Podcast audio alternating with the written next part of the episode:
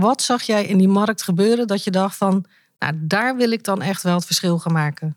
Um, nou, verzuim is technisch gezien is het heel complex. En daar kun je heel veel over leren. En er zijn allemaal hele goede opleidingen voor. Waarin je leert hoe verzuim werkt.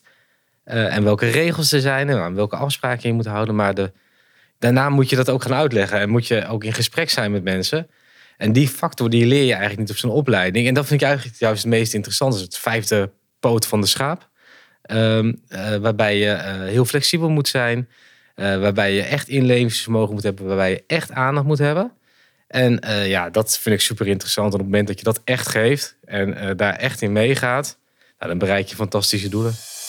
Van harte welkom bij de Ambitie Maakt Verschil podcast. De podcast voor ondernemende mediators en scheidingsprofessionals. Openhartig, eerlijk en puur. We gaan het hebben over uitdagingen, over tegenslag, groei, maar ook over de kansen. We laten ondernemers en experts in dit vakgebied aan het woord. Een inspiratiepodcast over business, ondernemen, bedrijfsgroei en persoonlijke groei. Want ambitie maakt verschil. Van harte welkom bij de podcast Ambitie maakt verschil. In deze podcast ga ik in gesprek met Marcel Meijer. Marcel is trotse vader van twee pubers, zelfstandig ondernemer, oprichter van zijn bedrijf Spade HR. Hij is enthousiast, resultaatgericht en flexibel. Ooit begon als supermarktmanager bij Albert Heijn. Daar heeft hij geleerd om beslissingen te nemen, mensen te motiveren en resultaatgericht te denken.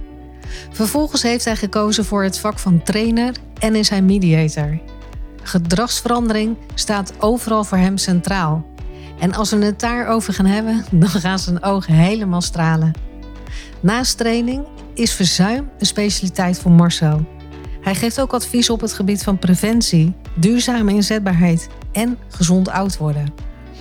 Een vraag die vaak gesteld wordt aan hem is: waarom heet jouw bedrijf Spade HR? Nou, en zoals misschien bekend gebruik je een spade om grond te bewerken. Een en ander wordt omgespit zodat er een vruchtbare bodem ontstaat. En vruchtbare bodem vergroot de kans op een mooiere vrucht. Marcel zal gaan spitten in je gedrag en het effect van dat gedrag op anderen. Zo ontstaat er een daadwerkelijke gedragsverandering. En zijn duidelijke adviezen geven echt beweging en worden ook nog wel eens benoemd als schop onder. Nou goed, vul het zelf maar in. Welkom Marcel. Ik ga vandaag uh, graag met je in gesprek.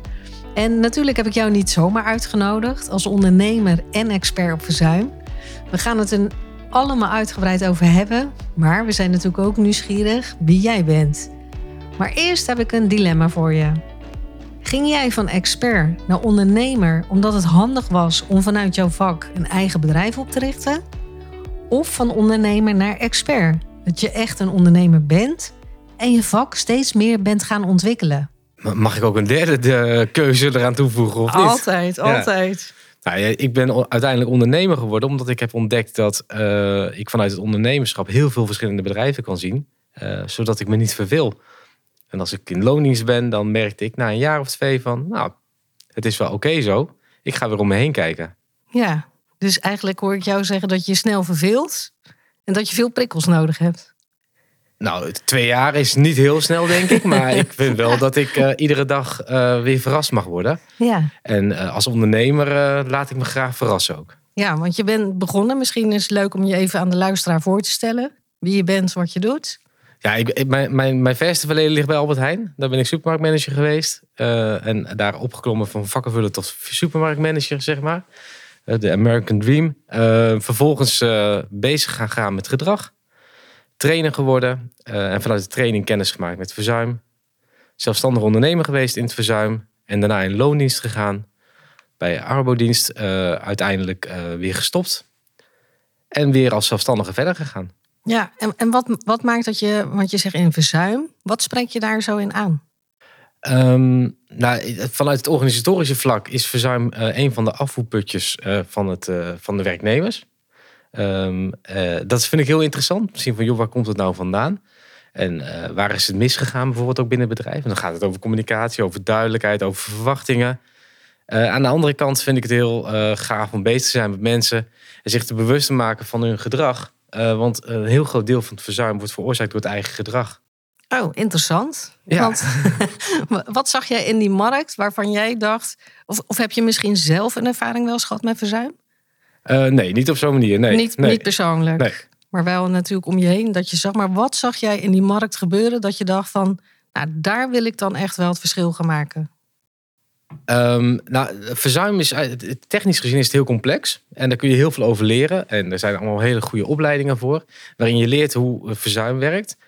eh, en welke regels er zijn. En aan welke afspraken je moet houden. Maar de, daarna moet je dat ook gaan uitleggen. En moet je ook in gesprek zijn met mensen. En die factor die leer je eigenlijk niet op zo'n opleiding. En dat vind ik eigenlijk juist het meest interessant. Dat is het vijfde poot van de schaap. Ehm, eh, waarbij je eh, heel flexibel moet zijn. eh, waarbij je echt inlevingsvermogen moet hebben. Waarbij je echt aandacht moet hebben.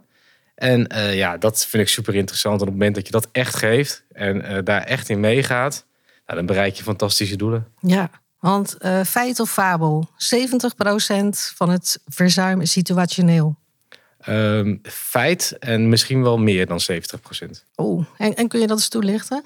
Ik denk dat eh, als je alles terugvoert naar gedrag, eh, je levensstijl, eh, je, je houding ten opzichte van werk, je verwachtingen ten opzichte van werk, er zit heel veel zit in jezelf. En dat kun je dus zelf ook beïnvloeden.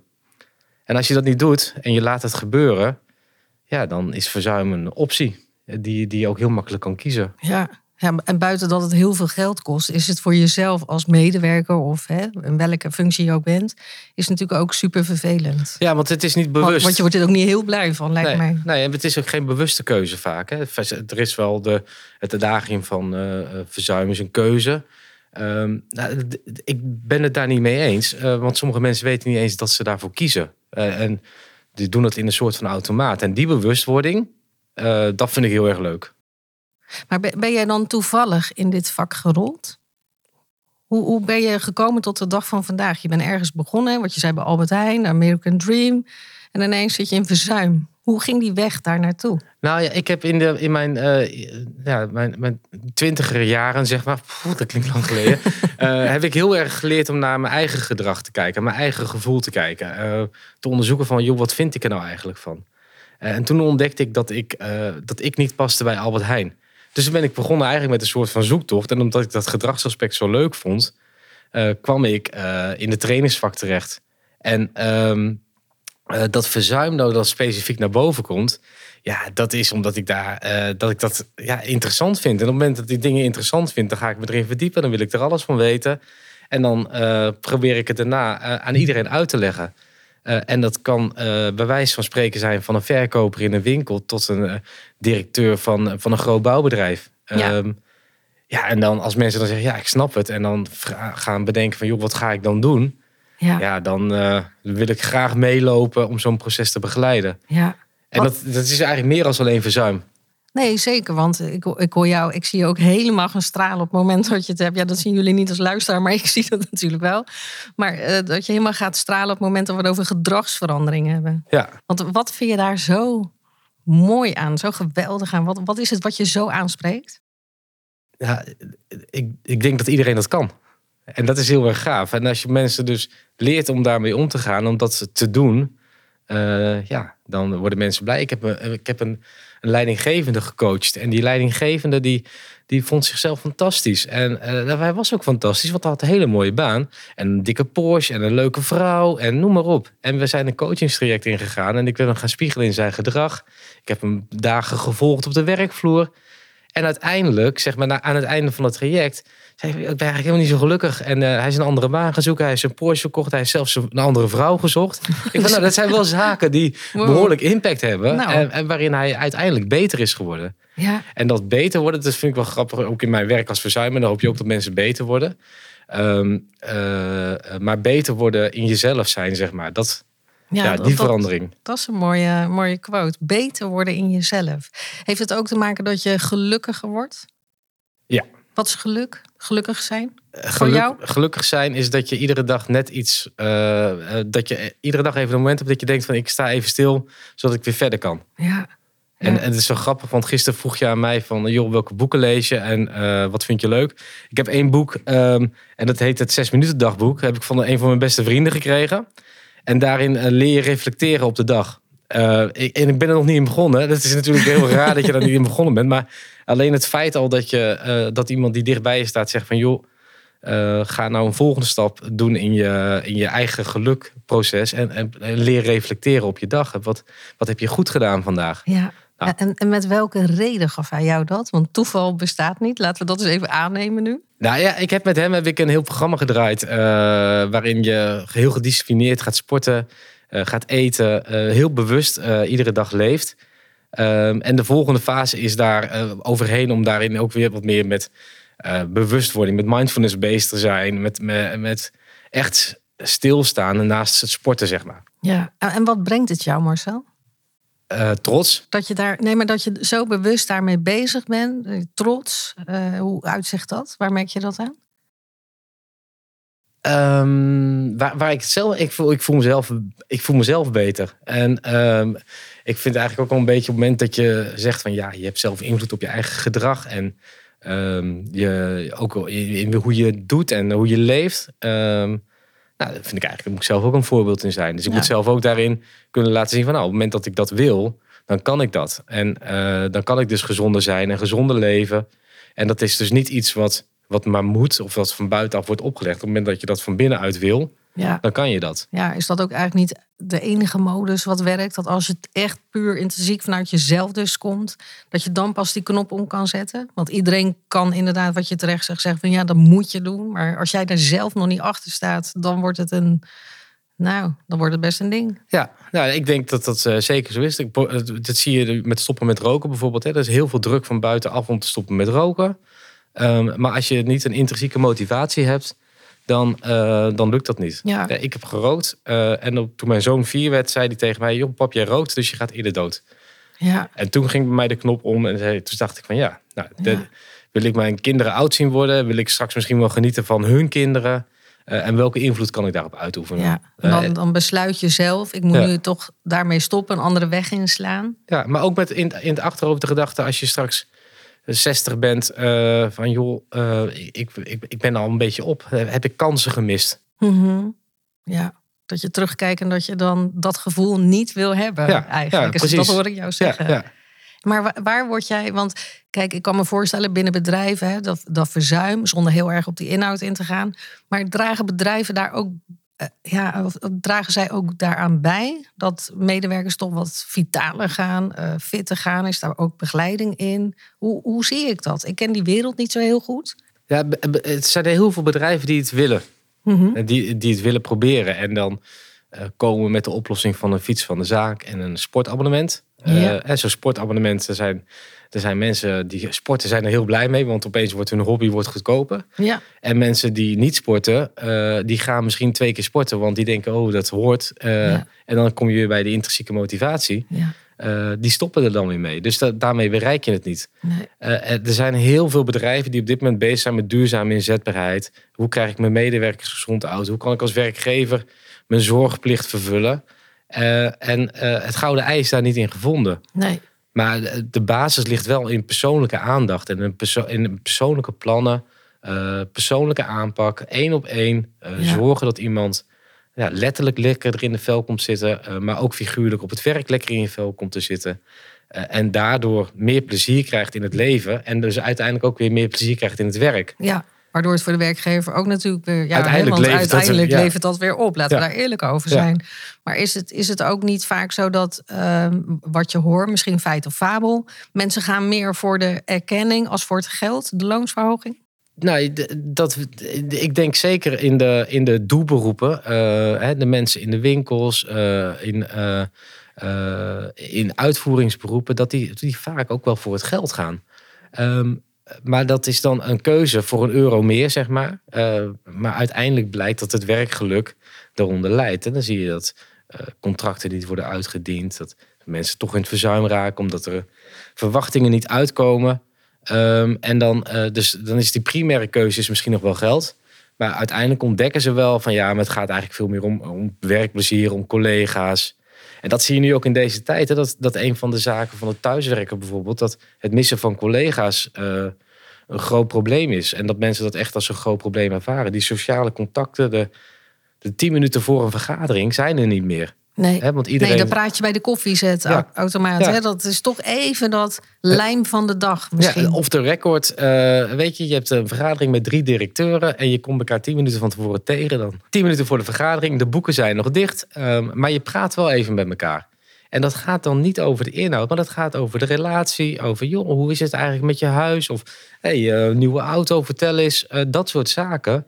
Waarbij je verbinding maakt en waarbij je door kunt praten als je elkaar weer tegenkomt. Ja. Ja, Dat en, en dat mis je nu Ja. in deze tijd. Ja. Zie je dan ook dat verzuim stijgen nu? Is, wordt dat nu eh, echt expliciet hoger? Of zie jij daar nog niet echt een verandering in? Nee, ik zie het vooral dat eh, alleenstaanden, die hebben heel veel moeite eh, in hun reïntegratie. En normaal gesproken, zonder lockdowns en dergelijke, eh, als er sprake is van verzuim, dan komt die eens langs en dan komt die eens langs. En je, je doet toch nog wel een dingetje. eh, en mensen doen nu echt veel minder. Ja. En met name het sociale contact. ja, de verbinding even met Ja. elkaar. Ja, en ook in het verzuim en de reïntegratie. Ja, de eerste stap is werkervatting. Eh, en dat is dan een kop koffie drinken op het werk. Maar ja, op het werk is niemand. Ja. Dus wat is dan die sociale werking en die drempelverlaging om weer aan het werk te gaan? Ja, Dus die drempel wordt alleen maar hoger, waardoor uiteindelijk reïntegratieprocessen langer lopen. ja. Eh. En denk jij dat straks na, oh jongens, laat het zover zijn, na die lockdown, dat, dat mensen weer eh en masse naar kantoor gaan? Of denk je toch dat, die, ehm, dat mensen toch wel liever thuis blijven werken? Of meer een combinatie daarvan? Ja, ik denk dat dat wel een hybride vorm wordt. Ja? ja ik denk dat thuiswerken steeds meer wordt ingebed. Eh, en dat hoor je ook en dat zie je ook dat mensen, eh, en dat merk ik ook in mijn privé, vrienden die zeggen van ik vind het zo leuk om even een kop thee te drinken met mijn kinderen. Eh, of even een lunchwandeling met mijn partner te maken. Je ziet het in de huizenmarkt. Eh, mensen zoeken een groter huis met een thuiswerkplek. Eh, en dat is allemaal voorbereidend uiteindelijk om straks meer structureel thuis te werken. Ja, weet je wat nou heel tijd door mijn hoofd gaat? Wat, wat natuurlijk ook onlosmakend, denk ik wel, met elkaar is. Wat je net zo mooi vertelde over die nou ja, zes minuten per dag even reflecteren op je dag. Of met, met jouw dagboek. Ehm, want dat geluk heel erg vanuit jezelf moet komen. Hè? Je kan het niet laten opvullen door een ander. Het moet echt uit jezelf komen. Is het dan ook heel vaak niet zo wat ik ehm, vroeger op mijn werk eh, zag? Dat je ook mensen had die zeiden nou nog eh 15 jaar, drie weken, twee uur en dan mag ik met pensioen. Die waren mentaal al met pensioen. Maar dat het zo belangrijk is om jezelf te realiseren van joh, waar zit ik op de goede plek? Word ik hier gelukkig van? Wat zijn anders nog de mogelijkheden? Dat mensen daar nog veel kritischer op zichzelf mogen blijven? Eh ja, zeker. En ik help mensen daar ook wel bij. Zeker als er sprake is van verzuim en met een arbeidsgerelateerde oorzaak. Hè, dat mensen toch minder plezier hebben in hun werk. Dan help ik ze ook echt wel. En dan Ja. stel ik wel die kritische vragen van... joh, maar hoe lang ga je eigenlijk al niet meer met plezier naar je werk toe? Ja. Zijn, zijn mensen daar dan zelf ook wel bewust van? Nou, het is heel spannend. Eh, en dat geeft dus, dat is wel die bewustwording. Alleen die komt wel binnen. Ja. En, de- en dat, ja, de, ook, ook het afscheid nemen van iemand of een slechte boodschap ontvangen. de- ik, ik zeg dat wel een keer of drie, vier. Ja. eh, in verschillende gesprekken. En eh, dan blijkt dat zo'n medewerker moet wennen aan het idee dat hij ook een keuze heeft. ja. Ehm, Nou ja, dat is het. Je hebt altijd een Ja. keuze. Ja. En, en, en dat zie je misschien helemaal niet zo in eerste instantie. En dan is het fijn dat iemand je daarop ja, attendeert of wijst of mee begeleidt. ja, ja en, en dan merk je ook, eh, met name in het verzuim weer, hè, dat een, een werknemer eh, eigenlijk in eerste instantie misschien best wel een beetje boos wordt op mij ook. Van, joh, Mhm. waarom stel je dit voor? Of waarom stel je deze vragen? Ja, Waar moet komt ik dat soms vandaan? weg? Ja. Moet ik, word ik ontslagen? Ja, heb je mijn baas gesproken? Hè? Ja. Dus dat stuk vertrouwen komt dan ook een beetje om de hoek kijken. En op het moment dat ik het dan uitleg eh, en ik krijg de ruimte ook, dan eh, zie je dat een medewerker verandert. Eh, en, dan- en dan zie je dat, het, eh, eh, dat de dingen indalen, zaken indalen, waardoor die uiteindelijk beseft van, joh, ik mag kiezen. Nou, en, het kan Ja. ook gewoon een keuze zijn voor het eigen werk, maar dan wel eh, een gesprek voeren tijdens je reïntegratie met je leidinggever. Nou, voor, joh, hoe ga ik nou voor zorgen dat ik weer plezier heb in mijn werk? Ja. ja, maar is dat niet het aller, allerbelangrijkste? Als je dan toch werkt, dat je het, in, eh, ja, dat je het echt maar leuk hebt. Ja, en voor mij in ieder geval. Ik, ik, eh, ik stop met werk op het moment dat ik er geen plezier meer in Ja. heb. Ik, ik ben nog nooit ergens ontslagen, zeg maar. Of mijn contract is nog nooit niet verlengd. Ik ben zelf altijd weggegaan omdat ik er geen plezier meer in had. Ja, dus continu hoor ik jou zeggen, maakte jij zelf de keus van jongens, het brengt me niet meer genoeg energie. Ik word er niet heel blij van als ik opsta. Ik spring niet meer mijn bed uit. Ja. Oké, ik moet schakelen. En hoe doe je dat dan? Nou, soms wat impulsief. Uh, ik heb wel eens mijn baan opgezegd zonder dat ik iets anders had. En dat iedereen zei van jeetje, wat doe je nu? Mhm. Um, en dan uh, denk ik van ja, die keuze komt uit mijn gevoel. En uh, je krijgt wat je verdient uiteindelijk. en dan gebeurt het wel weer. En dan, dan ga je gesprekken voeren. En dan ga je met vrienden in gesprek. de laatste keer dat ik echt een gesprek heb gevoerd was aan het einde van mijn loondienstverband. Vlak voordat ik ondernemer werd, heb ik met drie of vier recruiters gesproken. En uh, ja, die ga je natuurlijk ook vragen stellen over je ambities en over je, je, je plannen en hoe, je, hoe wil jij oud worden. Uh, en uiteindelijk kwam daar weer de conclusie van ja, loondienst, dat is niks voor Marcel. Nee. nee uh, gaan we ondernemen. Ja. ja, want kom je dan zelf tot die conclusie? Of kom je dan door middel van die gesprekken dat je denkt, ja, het begint nu toch wel te kriebelen. Wat was het moment dan dat je echt besloot, ik ga nu voor het ondernemerschap? Um, ja, dat is ook een twee-fase traject. Want het hm. eerste moment was eigenlijk toen ik keer in loondienst ging. Daar was de ambitie om het bedrijf over te nemen. Uh, en daarin dus echt te gaan ondernemen. Dat is niet gelukt. Uh, en uh, ik ben daar dus ook zelf weggegaan bij het bedrijf. En toen zat ik in een soort van vacuüm. Aan de ene kant denk je van ja, mijn droom van de komende tien jaar, die, die ballon is nu kapot. Hè, die, die, die bestaat niet meer. hoe ga ik een nieuwe droom maken? En, en toen kwam die volgende stap en toen zei ik uh, echt van ja, ik heb geen zin om 80 uur per week te werken. Ik heb geen zin om uh, dingen te doen die ik niet leuk vind. Uh, en dat ben ik gaan omdraaien. Nou, goh, waar heb ik dan wel zin in? Ja. En wa wat kan ik dan wel bereiken? En nou, toen, toen ben ik benaderd om een klus te gaan doen in het verzuim. oude relaties die kwamen aan de bel rinkelen. En, en toen is het gaan lopen. Ja. En maar wat sprak jou zelf zo aan aan ondernemerschap? Want ik hoor je zeggen niet 80 uur werken. Nou, ja. Ik heb in de beginperiode van mijn ondernemerschap nog nooit zo hard gewerkt. In welke baan dan ook, als in het ondernemerschap. Maar hoe, hoe zie jij dat? Uh, ik zie uh, uh, voor mij het ondernemerschap dat ik iedere dag keuzes kan maken in wat ik doe en wat ik niet doe. Ja, mooi is dat hè?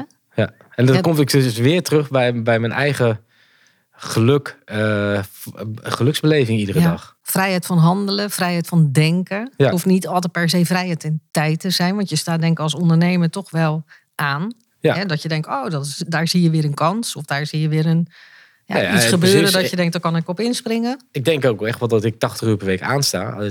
Alleen dat, ja, dat willen mijn, mijn opdrachtgevers nog niet betalen, zeg maar. Dus, uh... Nee, maar als ondernemer sta je wel aan, hè? herken je dat? Ja, ja, en, dat is, uh, uh, en daarin is ook continu weer keuzes maken. Uh, ik heb ook een paar keer nee gezegd tegen een opdracht. Ik denk van, nou, daar heb ik eigenlijk gewoon geen zin in. Ja, hoe fijn. En dat is een hele luxe positie, besef ik mezelf ook. En ja. ik weet ook wel dat ik sommige periodes echt harder werk. En meer, meer uren moet draaien om het voor elkaar te krijgen. Maar dat is ook mijn keuze als ondernemer. Ja, want dat... hoe, hoe heb jij voor jezelf dan die luxe positie gecreëerd? Um, ik denk dat ik uh, um, een hele, goede, hele stabiele financiële basis heb waaruit ik uh, leef en woon en werk. Mm -hmm. En uh, ik denk dat het werk wat ik doe is zo goed dat mensen daar heel graag ook voor willen betalen. Ja, nou ja, maar dat is het. Hè? Mensen betalen graag voor het resultaat. Ja. Niet voor de weg naartoe, maar het resultaat vinden ze uiteindelijk. Daar, daar is waar het om draait. Ja, en ik denk dat, dat het te maken heeft met hoe je je presenteert. Ook bij een recruiter of bij een opdrachtgever. Um, ik, ik geef vaak aan bij een opdrachtgever. Nou, ik denk dat ik gemiddeld 130% presteer ten opzichte van een normale werknemer. Mm -hmm. uh, dus daar mag je ook wat van verwachten. En waar zit dat verschil? Waar zit die 30% in? Niet zo specifiek in die procent hoor, maar waar, maak jij, waar zit jij die Ik stap denk dat verder? dat een, hele grote kwaliteit van mij is. En wat de grootste ergernis is van mijn partner. is dat ik uh, aan het begin van de dag precies weet hoe laat ik aan het eind van de dag klaar ben. Oh, nou, please, leg me uit. dat willen wij allemaal denk ik wel horen. Hoe doe ja, je dat? Nou ja, ik kan heel goed plannen. Ja. Uh, en ik plan ook verstoringen. Um, en ik ben heel efficiënt. Oké. Okay. Dat wil ik nog meer weten. Ik plan, goed plannen, dat is, dat is al een kwaliteit. Hè? Want een hele hoop ondernemers die ik spreek, die zeggen... oh, focus en planning en dan komt er weer wat van rechts. En heel mijn dag loopt in de soep. En aan het einde heb ik nog mijn to-do-lijst. Wordt alleen maar langer in plaats van korter. Geef ons een tip. Wat zijn verstoringen? Hoe doe je dat plannen? Ja, ik denk de belangrijkste tip is dat je moet beseffen dat je iedere dag wel een verstoring hebt. Nou, op het moment dat je die, uh, dat niet plant, dan is je dag altijd te kort. Ja, dus je plan je dan uh, zaken of taken of dingen die jij moet doen niet te strak op elkaar? Hou je dan bewuste ruimte daartussen? Schat je in van nou, dit telefoongesprek duurt ongeveer 20 minuten? Hoe, nee, maak het eens heel concreet. Ehm, ik heb, eh, per dag heb ik taken die ik kan verschuiven. Mhm. Dus dat, dat geeft flexibiliteit. Ja. Ik weet hoe lang ik bezig ben met taken. Dus dat is ook kennis of inhoud van je vak. Eh, op het moment dat ik 20 minuten plan voor een taak, dan duurt dat ook 20 minuten. Mhm. En ik denk dat een hele grote kwaliteit van mij is, is dat ik zaken kan afsluiten voordat ik met iets nieuws begin. Dus, ehm, en, en dat betekent dat ik 100% gefocust ben op de opdracht die ik ga doen. Ja, Ehm, en soms zet ik dan ook gewoon mijn telefoon uit. Ja. Eh, want dan zit ik in zo'n focus en dan, eh, dan, dan moet ik het doen. ja, Ehm, ik ben een denker. eh, en dat lijkt misschien niet zo als je me zo hoort praten. Maar op het moment dat ik weet, ik heb een trainingsdag morgen. Dan ben ik daar de dag van tevoren ben ik daarmee bezig. En ben ik aan het bedenken hoe werkt het en hoe bouw ik het op. En waar zit, naast je standaard programma, waar zitten mijn uitdagingen voor de dag van morgen. En doordat dat je van tevoren nadenkt over iets wat er gaat gebeuren. Kan ik op het moment zelf dat ik het heb gepland, kan ik ook optimaal presteren. ja. Ja, en dan kan je echt eh, anticiperen op de verstoringen. Want daar heb je dan de tijd en de ruimte ook al voor ingecalculeerd. Ja, ja, en plan moeilijke dingen, tenminste op je, je beste moment van de dag. Ja, vert- vertel eens, hoe is dat voor jou? Nou ja, ik ben een ochtendmens. Mhm. Eh, dus op het moment dat ik om eh, half acht achter mijn laptop kruip, dan sta ik op scherp. En dan, dan, ja, dan, dan, dan doe ik echt complexe zaken, pak ik op. Eh, het voordeel is dat je dan ook niet zo heel veel wordt gebeld nog. Dus je kunt ook echt doorwerken. En de, eh, nou ja, weet je, de zaken die ik niet zo leuk vind, eh, administratie en zo, dat plan ik vaak dan aan het eind van de dag. Want daar hoef je niet zoveel over na te denken. Hè? Om, om kilometers te registreren, om je tijd te benoemen, om een factuur op te stellen.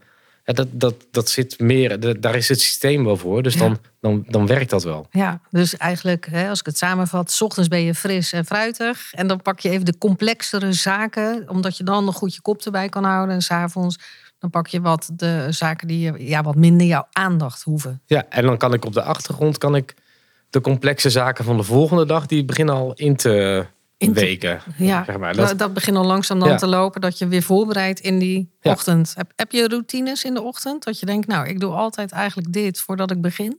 Ehm, ik lees altijd eerst de krant. Om Mhm. gewoon wakker te worden. En om eh, gewoon eh, me te informeren over wat er speelt. En als ik begin met werken, begin ik altijd met mijn mailbox. Ehm, en eh, ja, dit is ook heel irritant vinden andere mensen. Dat ik heb in mijn inbox heb ik vier mailtjes staan. Ja. En, en waar is de rest? Of die De- heb je allemaal al afgehandeld? Of ik handel het af. Hè. Dat is de, de, nou, de drie minuten regel. Ja, ja. Ik lees een mail. eh, kan ik het nu afhandelen? Ja, of, dan of doe moet het. ik het later doen? Ja, en dan plan ik het. Ja. Eh, en op het moment dat je het plant, dan weet je, ik moet het dan gaan doen. Maar ja, dan begint het denkproces toch al wel. Ehm, en eh, in mijn e-mail staat dan eh, dat wat nog, waar iemand anders op moet reageren bijvoorbeeld. Maar stel nou hè, dat je, eh, want ik, ik ken die drie minuten regel ook, maar stel je voor dat daar een super vervelende mail nou in staat.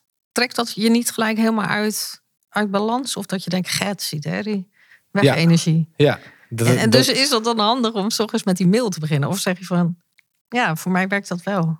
Nou ja, ehm, in eerste instantie komt bij mij ook, er komt dat echt binnen. Een klacht of een, een negatieve mail of je hebt iets fout gedaan. Dat, dat, ik, ik wil het graag goed doen. Hè? Dus dat, dat hakt er bij mij wel in. Ehm, en ehm, eh, eh, dan probeer ik erboven te stappen. En dan zeg ik tegen mezelf eigenlijk van ja, maar joh, wat, wat zegt die ander nu eigenlijk? En, en, en wat kan ik daarmee? Ja, je, En waarom heeft die ander de moeite gedaan ook om zoiets naar mij te mailen? ja, Eh, en dan eh, nou, probeer ik te objectiveren. Probeer ik mijn eigen gevoel erin uit te schakelen. En dan krijgt die ander gewoon, ook al duurt het dan 10 minuten, wel op dat moment het antwoord. ja, Want ik vind het veel te waardevol dat iemand de moeite neemt. nou dat is het hè. Ja, zo- ehm, zo'n negatief eh, punt of iets waar, die, die heeft er ook last van. Ja. Ja, kijk, en iemand neemt wat je terecht zegt wel de moeite om dat eh, ja, bespreekbaar te maken. Of eh, hoe het dan bij jou binnenkomt, dat is natuurlijk even een tweede. Maar het is wel eh, goed om, dat heb ik mezelf ook moeten leren, heel eerlijk gezegd. Om even afstand ervan te nemen. Even met een objectieve blik ernaar te kijken van wat zegt die ander nu eigenlijk? Kan ik daar wat mee?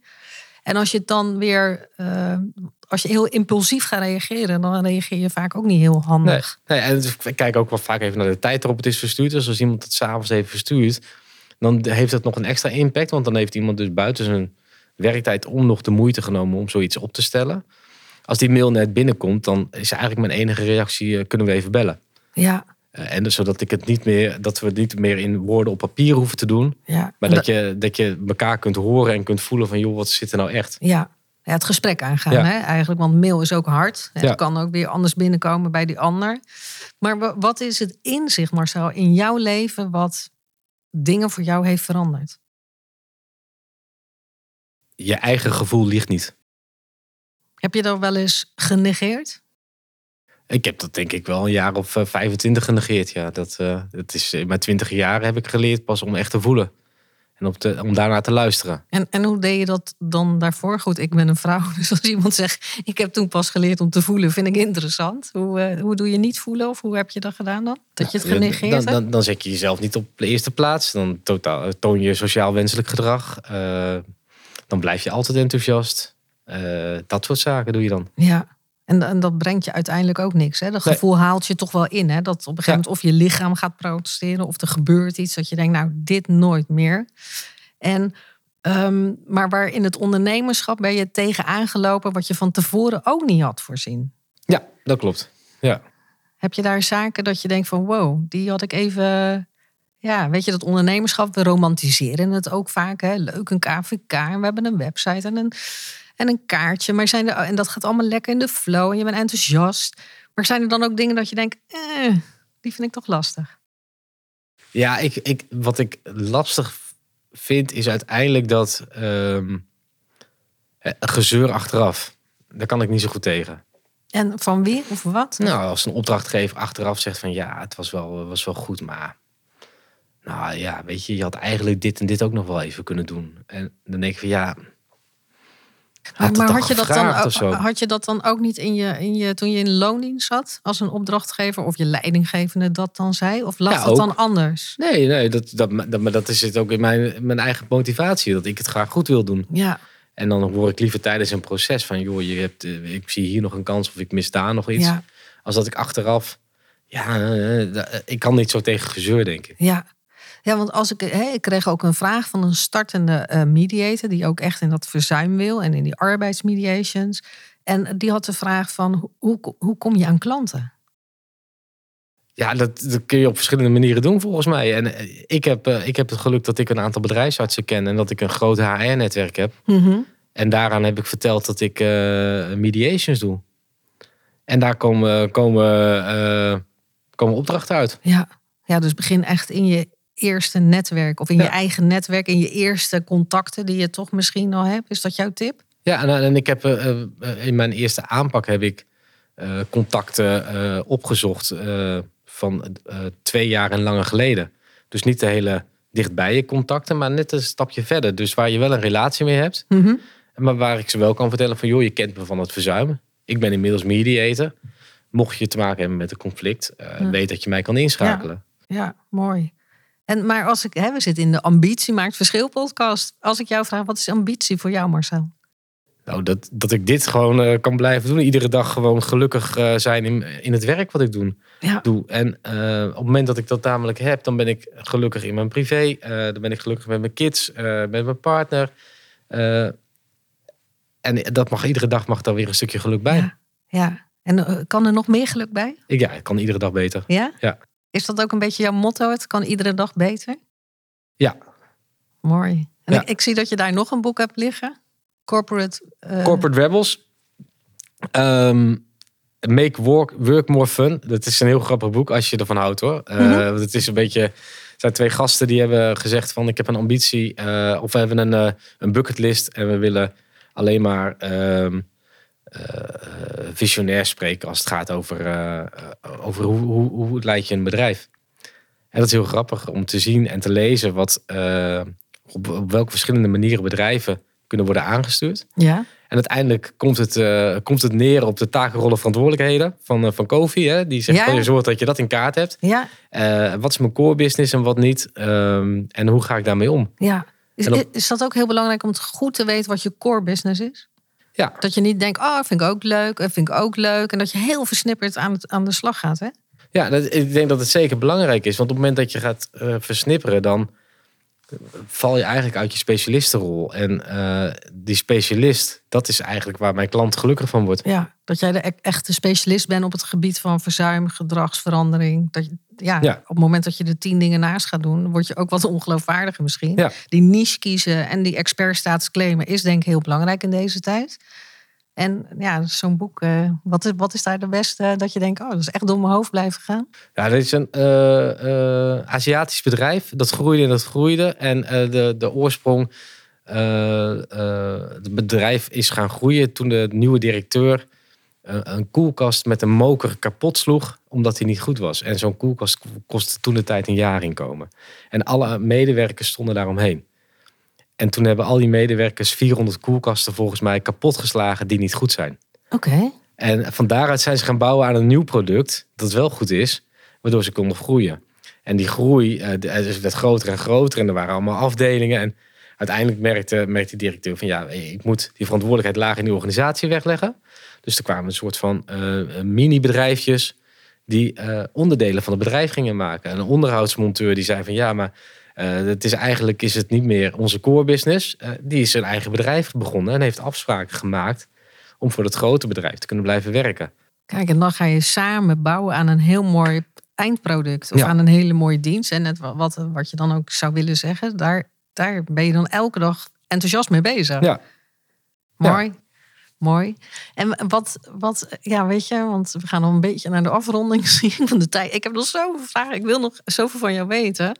Maar hoe laat jij op als je voelt van, oh, nu loopt mijn energie toch een beetje weg? Of ik heb een beetje, ja, zo'n energietrekker vandaag aan mijn, aan mijn tafel Mhm. gehad. Hoe laat jij weer op? Ja, het is zo grappig dat je het zegt. Toen ik trainer was, eh, heb ik een, eh, moest ik een groep leidinggevenden trainen. En die hadden de dag daarvoor eh, allemaal nieuwe maatregelen gehoord gekregen. Eh, organisatieveranderingen. En ik deed gewoon een, een, een training eh, over beoordelingstechnieken. De beoordelingsgesprekken. En ik kwam die groep binnen en het was alleen maar gezeur. En ook terecht, hè, want ze zaten helemaal vol met die emotie. Dus dat kwam er allemaal uit, dat kwam er allemaal uit. Dus op een gegeven moment ben ik een flap gaan pakken.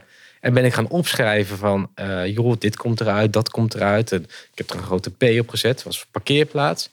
En toen hadden we pauze, lunchpauze. We waren al drie uur bezig. En ik bel mijn directeur op en ik zeg, joh, het gaat helemaal mis. Ik kan mijn programma niet draaien. En het enige die directeur zei, doe waar je goed in bent. Ja, Dus ik ben gewoon een programma Ja. gaan draaien in de middag. Iets versneld. Ik heb het hele programma er doorheen ge- gedraaid. Op een tempo wat, eh, wat hoger was. eh, maar wat, wat, waar enorm veel draagvlak voor kwam vanuit die groep. Omdat ze s'morgens mochten praten. ja. Nou ja, maar ik kan me voorstellen als je als groep eh, daar zit en je hebt een beetje eh, vervelend nieuws met die maatregelen of wat dan ook. Je moet het allemaal wel weer doen. Dat moet er eerst uit voordat je weer Ja. de ruimte hebt om door te gaan. Ja, dus ik heb eigenlijk s'morgens eh heb ik mijn gevoel gevolgd. Van nou, kom maar op. Ik ga niet hard Nee, dat op, heeft op ook mijn geen programma. zin. Nee. Volgens mij heeft het echt geen zin. Want dan sta je ook maar iets te doen waar iedereen denkt van ja, het zit in mijn hoofd even niet lekker. Ja, maar ja, als je dan net trainer bent en je voor, voor eerst of tweede keer eh, Ja, zo- dat is eh, in je eentje zo'n training gaat doen en zo. Dat, eh, nou ja, dat was wel spannend, Ja. zeg maar. Ja. Maar als, je, als jij zo'n dag hebt hè, waar je dan eh, niet per se deze dag, maar waar heel jouw energielevel laag gaat, omdat je denkt van, weet je, dat soort mensen, dat kan wel eens energie bij je trekken. Hoe laat jij je batterij weer op? Ehm, nou, dat, dat is uiteindelijk ook weer door te objectiveren. Dus door, door afstand te durven nemen van het proces. En eh, te bekijken van, joh, wat is er nou echt gebeurd? Ehm, en waar heb ik nog een, eventueel een kans laten liggen? Of waar kan ik op doorpakken? En het daarna ook eh, afsluiten. Ja, En dat wat ik er straks ook zei. eh, ik denk dat een van mijn kwaliteiten is dat ik zaken kan afsluiten. ja. Dus als ik Ik, een ik complex... dat ook, die kwaliteit. Ik ben, is dat te leren? Ja, dat weet ik niet. Maar je moet je voorstellen, in mijn werk kom ik wel mensen tegen die zijn gewoon heel erg ziek. Die gaan Mhm. dood. ehm, en dat raakt je. Hè? Ja. Die zijn van jouw leeftijd, die hebben jouw kinderen, eh, die hebben jouw leven. Dat is, alles Ja. ligt één op één bijna. Ja. Nou, op het moment dat je dan niet kunt afsluiten, dan kun je ook je werk niet meer doen. Ja, Dus ik heb me dat wel, denk ik, een soort van aangeleerd. En af en toe dan bel ik even iemand daarna. En Ja. ook als dat een negatieve energiezuiger is, dan, dan bel ik ook even iemand. Zeg ik, joh, ik heb dit en dit verteld, maar ja. heb ik het nou fout gedaan? Of Ja. heb ik, heb ik... Nee, nee, nee. Dat- Zo zou ik het ook doen. Ja, even, even sparren, Ja. even, even toetsen met elkaar, even elkaar weer. Weet je, als je het uitspreekt, wordt het ook al gelijk wat minder hè, voor jezelf. Want ik kan me voorstellen dat je inderdaad, wat je zegt, in situaties bent dat je denkt: wow, eh, ja, dat raakt je. Dan moet je wel buiten jezelf kunnen houden op een bepaalde manier. Ja, Niet dat je daar als een ijskonijn moet gaan zitten, dat, eh, dat totaal niet. Maar als je alles mee naar huis gaat nemen, dan wordt het denk ik ook wel. Ja, of naar je volgende dossier. Hè? Want stel dat je boos bent geworden in een dossier, omdat dat, eh, mensen je gaan uitschelden. Dat gebeurt helaas ook wel eens. Ja, ik kan niet die volgende medewerker die ik bel daarmee belasten. Nee, nee, dat je daar even los Ja, dus je moet. Dat gaat niet. En dat is ook heel vreemd, want ik, heb wel, ik kreeg wel eens het commentaar eh, toen ik in Lonisch was: van joh, je zit zoveel op je telefoon. Ik zeg, nou, weet je wat het is? Op het moment dat ik een kwartier een heftig gesprek heb gevoerd, dan moet ik vijf minuten gewoon onzin kijken. Ja, even, even, Even eh, loskoppelen en, en dan kan ik weer verder. ja, En toen was het oké. oké, Ja, dan is het- duidelijk. ja. Wel- Welk advies of tip zou jij aan startende ondernemers kunnen meegeven? Ehm, Of iemand die nog in zo'n twijfelmodus zit? nou, eh, als je twijfelt, dan moet je niet oversteken. Mhm. Dat is eh, denk ik eh, sowieso eh, belangrijk. En dan kun je misschien beter ook naar je huidige werk kijken en denken van ja, ik zit hier nu, laat ik deze tijd en ruimte nou pakken om te bedenken wat ik echt wil. Mhm. Uh, en als je start ehm, en je hebt je eerste klant, uh, ja, verwen hem, doe er alles aan om, om daar je energie uit te halen. Uh, zeg wat je doet en doe wat je zegt. Ja. Uh, Hij geeft net misschien die 30% extra, Ja. wat jij net al mooi in dat gesprek eh, zei. ja. ja, dat is denk ik het mooiste. En dan eh, het leukste is als een klant hem belt en dus, eh, terugbelt en zegt van joh, ik vind het zo, zo fijn dat je, je, kun- je kunt wel beloven dat je binnen 24 uur mijn mail beantwoordt, maar je doet het ook echt. Ja. En dan, Ja. dan, dan, eh, dan groei ik en dan denk ik van nou, dat is... eh, Ja, maar weet je, details maken het verschil. Hè? Dat Ja. is altijd een beetje mijn eh, motto. Maar net dat kleine beetje extra, wat die klant net niet verwacht. Of ja, inderdaad, het is heel logisch. Hè? Wat je zegt moet je ook nakomen. Maar in de praktijk is dat natuurlijk heel vaak niet. Dus daar maak je al het verschil als je het wel doet. Ja. Hoe, hoe bijzonder dat eigenlijk dan ook is. En hoe normaal dat al zou moeten zijn. Ik kreeg nog een, een eh, vraag, een laatste vraag. Dat gaan we afsluiten, Marcel. Uit, eh, hè, ik vraag altijd, goh, wat eh, voor vragen zouden jullie echt aan mijn gast willen stellen? En iemand zei van, Marcel, als jij minister-president zou zijn, wat zou je dan als eerste willen aanpakken, veranderen? Ja, ik, ik, ik, ik gok dat het wel gaat over de verzuimwereld. Ehm, Nee, je mag hem helemaal zelf invullen. nou ja, als het gaat over verzuim, dan zou ik echt direct verplicht spoor 2 afschaffen eh, in het tweede ziektejaar. En misschien zelfs al het tweede ziektejaar door loon door betaling. En dat daar een andere vorm voor moet komen. Eh, want een, een werkgever wordt eh, heel zwaar belast als het gaat over verzuim. En of die dat nou verzekerd heeft of niet, dat kost gewoon enorm veel geld. Ja, tijd en energie. Ja. Hè? Met z'n allen ben je daarmee bezig. Ja. Niemand vindt het eigenlijk heel fijn. Ja, en, en, en het tweede jaar is al echt wel helder waar het naartoe gaat. Mhm. Ehm, en maak daar dan echte keuzes op. Ja. Eh, in plaats van dat je voor de vorm nog een traject eh, van 4000 euro inkoopt. Omdat je dan het vinkje bij het UWV gaat krijgen. Ja. Zeg maar. Ja. Dat, eh, dat, dat vind ik heel lastig. En het is ook heel lastig om dat over te brengen aan, aan, aan werkgevers en werknemers. Ja. Dus dat zou ik echt veranderen. Ja, mooi. Nou, we stemmen allemaal op jou nu natuurlijk.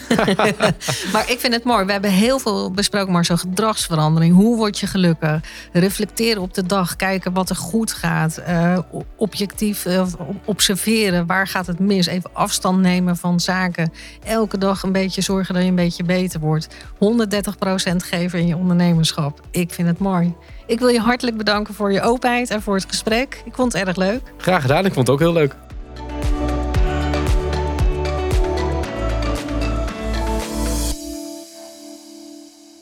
Dankjewel voor het luisteren. Uiteraard hopen wij dat jij hier nieuwe inspiratie of inzichten uit hebt gehaald voor weer een volgende stap. Als je met plezier hebt geluisterd en je bent nog niet geabonneerd op onze podcast, abonneer je dan via je favoriete podcast-app. Je kunt natuurlijk ook een review achterlaten. Daar zijn wij enorm blij mee. En als je vindt dat andere ondernemers naar deze podcast zouden moeten luisteren, deel deze podcast dan gerust met je netwerk. Wij zien nu al uit naar de volgende podcast. Dus graag tot de volgende keer. En weet, ambitie maakt verschil.